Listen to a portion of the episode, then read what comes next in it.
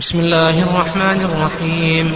والصلاة والسلام على نبينا محمد وعلى آله وصحبه أجمعين. قال الشيخ ابن سعدي رحمه الله تعالى في رسالته في أصول الفقه بسم الله الرحمن الرحيم. الحمد لله نحمده على ما له من الأسماء الحسنى والصفات الكاملة العليا وعلى أحكامه القدرية العامة لكل مكون وموجود وأحكامه الشرعية الشاملة لكل مشروع وأحكام الجزاء بالثواب للمحسنين والعقاب للمجرمين.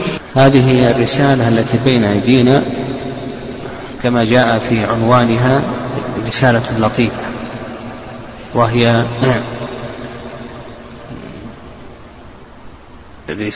كما في عنوانها إنها رسالة لطيفة فهي مجردة عن كثير من التفاريع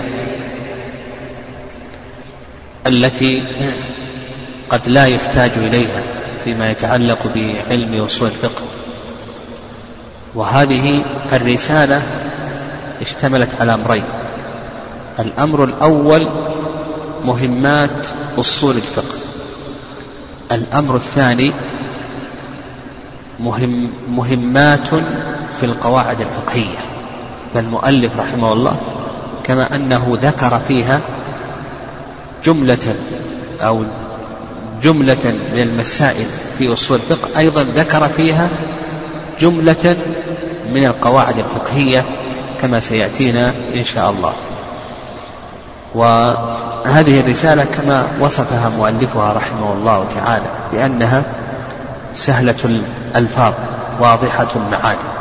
لأنها سهلة الألفاظ واضحة المعاني معينة على تعلم الأحكام لكل متأمل معاني. وكما ذكر الشيخ رحمه الله بأنها سهلة الألفاظ واضحة المعاني وهكذا مؤلفات الشيخ عبد الرحمن رحمه الله تتميز بهذه الميز لأنها سهلة الألفاظ واضحة المعاني. قد تقدم لنا المنظومة منظومة القواعد الفقهية وأنها أيضا قريبة من طالب العلم يعني يقرأها المبتدئ والمنتهي ولا لا, لا يصعب عليه فهم ما اشتملت عليه هذه الألفاظ من معاني فهي واضحة المعاني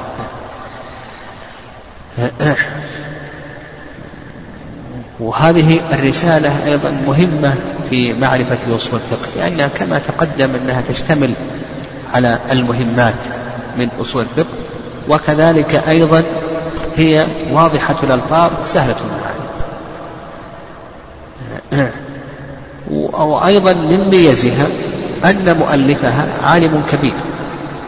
لا في الفقه ولا في العقيدة ولا في الأصول ولا في التفسير وهذا مما يضفي على هذه الرسالة القيمة العلمية.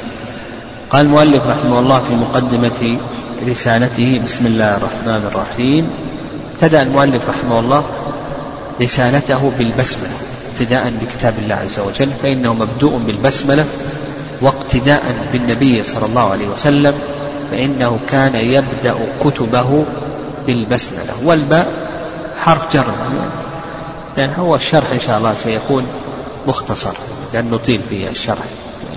لأن المقصود هو فهم هذه المهمات في أصول الفقه مما يعين على فهم هذا الفن. فالباء حرف جر واسم اسم مجرور والجار والمجرور متعلق بمحذوف. هذا المحذوف يقدر بفعل متأخر مناسب للمقام يقدر بفعل مؤخر مناسب للمقام. فإذا قلت بسم الله الباء والاسم يتعلقان بمحذوف. هذا المحذوف يقدر بفعل مؤخر مناسب للمقام. فإذا أردت أن تقرأ بسم الله التقدير بسم الله أقرأ. وإذا أردت أن تذبح بسم الله بسم الله يذبح. وإذا أردت أن تدخل البيت بسم الله بسم الله أدخل. وهكذا. وقدر فعلا لأن الأصل في العمل هو الأفعال.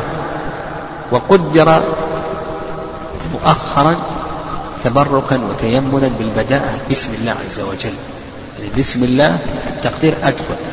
أخر الفعل تبركا بالبداءة بسم الله عز وجل. والله أصل أصلها الإله. حذفت الهمزة وأدغمت اللام باللام فقيل الله. ومعناه ذو الألوهية والربوبية على خلقه أجمعين. الألوهية والربوبية على خلقه أجمعين. الرحمن ذو الرحمة الواسعة التي وسعت رحمته كل شيء وسعت حتى الكافر حتى الحيوان. فالكفار رحمهم الله عز وجل رحمة حسية. أطعمهم وآواهم وأسكنهم إلى آخره. أما بالنسبة للمؤمنين الله سبحانه وتعالى رحمهم رحمة معنوية رحمة حسية. الرحمن ذو الرحمة الواسعة وهو اسم خاص بالله عز وجل. كما أن لفظ الجلالة هو خاص بالله سبحانه وتعالى. لفظ الجلالة هو أعرف المعاني وإليه تضاف بقية أسماء الله عز وجل. فيقال الرحمن من أسماء الله ولا يقال الله من أسماء الرحمن. والرحيم معناه ذو الرحمة الواصلة يعني الموصل رحمته من يشاء من عباده وكان بالمؤمنين رحيما. قال الحمد لله.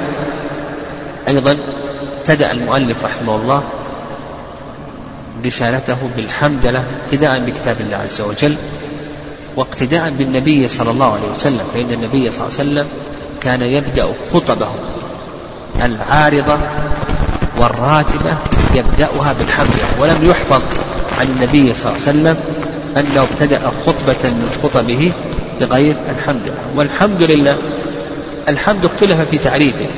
فقيل بأن الحمد هو الثناء بالصفات الجميلة والأفعال الحسنة. وقيل بأن الحمد هو فعل ينبئ عن تعظيم فعل ينبئ عن تعظيم المحمود لكونه منعما. يعني فعل ينبئ عن تعظيم المحمود لكونه نعم فعل لكونه منعما على الحامد أو غيره. وقال شيخ الإسلام تيمية رحمه الله بأن الحمد ووصف المحمود بصفات الكمال محبة وتعظيم. اختيار شيخ الإسلام ابن القيم لأن الحمد وصف المحمود بصفات الكمال محبة وتعظيم. وقوله لله يعني اللام للاختصاص يعني أن الله سبحانه وتعالى مختص بالمحامد المطلقة. الحمد ينقسم إلى قسمين. حمد مطلق هذا خاص بالله خاص بالله عز وجل.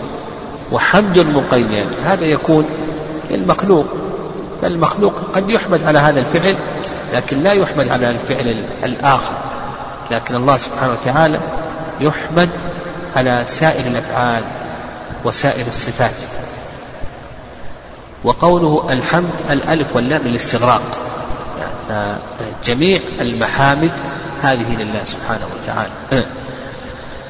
قال نحمده على ما له من من الأسماء الحسنى والصفات العليا. الأسماء الحسنى. يعني أسماء الله عز وجل هي ما سمى الله عز وجل بها نفسه أو سماه بها رسوله صلى الله عليه وسلم. والحسنى أي التي بلغت الغاية في الحسن فلا يعتريها نقص بأي وجه من الوجوه.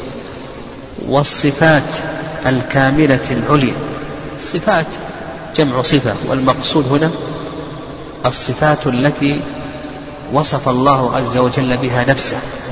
أو وصفه بها رسوله صلى الله عليه وسلم في سنته. نعم. والكاملة غير الناقصة. وصفات الله عز وجل يقسمونها. نعم أهل العلم يقسمونها إلى صفات معنوية صفات فعلية وصفات ذاتية. نعم صفات ذاتية. و أيضا صفات خبرية إلى آخره. المهم الصفات الكاملة يعني التي لا يعتريها نقص بأي وجه من الوجوه. قال وعلى أحكامه القدرية العامة لكل مكون وموجود وأحكامه الشرعية الشاملة لكل مشروع وأحكام الجزاء بالثواب للمحسنين والعقاب للمجرمين. قال وعلى أحكامه الأحكام جمع حكم وهو إثبات أمر لأمر أو نفيه عنه. والمقصود هنا الأحكام الشرعية وإلا فإن الأحكام تقسم ثلاثة أقسام أحكام شرعية وأحكام عادية وأحكام عقلية. الأحكام العقلية هي ما عرفت فيه النسبة عن طريق العقل. ما عرفت فيه النسبة عن طريق العقل. مثل واحد زائد واحد يساوي اثنين. الأحكام العادية هي ما عرفت فيه النسبة عن طريق العادة كالخبز مشبع والماء مروي. وأما الأحكام الشرعية فهذه التي سنتكلم عليها والعلماء رحمهم الله يقسمون الأحكام الشرعية إلى قسمين. الأحكام التكليفية والأحكام الوضعية الأصوليون. نعم. وأما المؤلف رحمه الله تعالى فإنه قسم الأحكام الشرعية من حيث العموم. يعني الأصوليون يقسمون الأحكام الشرعية إلى قسمين أحكام تكليفية وأحكام وضعية. أما تقسيم المؤلف رحمه الله هنا فهو قسم الأحكام من حيث العموم لها تقسام القسم الأول قال وعلى أحكامه القدرية العامة لكل مكون وموجود. هذا القسم الأول الأحكام قدرية وهي ما قدره الله عز وجل وكتبه في الأزل. فهذه الأحكام الكونية القدرية الفرق بينها وبين قبل ذلك قال وأحكامه الشرعية الشامل لكل مشروع. هذا القسم الثاني. يعني القسم الأول الأحكام هي ما قدره الله عز وجل كتبه في الأزل. والثاني الأحكام الشرعية هي ما شرعه الله عز وجل على لسان رسوله أو على لسان نعم على لسان رسوله صلى الله عليه وسلم. الفرق بين الأحكام الشرعية والأحكام الكونية القدرية أن الأحكام الشرعية قد تقع وقد لا تقع. قد يستجيب الناس و ويفعلون المأمور ويتركون المحظور لا يستجيبون. لكن بالنسبة للأحكام الكونية القدرية هذه لا بد من وقوعها. حتما لا بد من وقوعها. فالموت من أحكام الله الكونية لا بد أن يقع. المرض يعني ما قدره الله عز وجل من المرض أو الآفات أو المصائب إلى آخره هذه لا بد أن تقع. هذا الفرق الأول بين الأحكام الشرعية وبين الأحكام الكونية. الفرق الثاني الفرق الثاني أن الأحكام الكونية القدرية شاملة لكل مكون وموجود كما ذكر المؤلف. جميع العباد داخلون تحت أحكام الله الكونية القدرية. لا يخرج أحد عن حكم الله الكوني القدري. أما الأحكام الشرعية فالتي يدخل تحتها هم المسلمون. المسلمون هم الذين يؤمرون وينهون إلى آخره إلى آخره. أما بالنسبة للكفار فإنهم داخلون تحت الأحكام الكونية لكنهم ليسوا داخلين في الأحكام الشرعية بحيث أنهم بحيث أنه يجب عليهم أو يتوجه هم, هم يتوجه إليهم خطاب التكليف لكن بالنسبة لخطاب الفعل هذا لا يتوجه إليه. وهم وإن كانوا مكلفين بفروع الشريعة إلا أنهم لا يؤمرون بفعل الشريعة لأنهم فقدوا فقدوا الأصل وهو التوحيد. وما منعهم أن تقبل منهم نفقاتهم إلا أنهم كفروا بالله وبرسوله. قال وأحكام الجزاء بالثواب للمحسنين والعقاب المجرمين. هذا القسم الثالث من أحكام الجزاء من الأحكام الشرعية على سبيل العموم. يعني على سبيل العموم أحكام الجزاء يعني الثواب. فالله سبحانه وتعالى يثير الطائعين ويعاقب المجرمين. والله سبحانه وتعالى شرع هذه الأحكام الأحكام الكونية القدرية الأحكام الشرعية أحكام الجزاء. بهمة الطائعين وعقاب العاصين.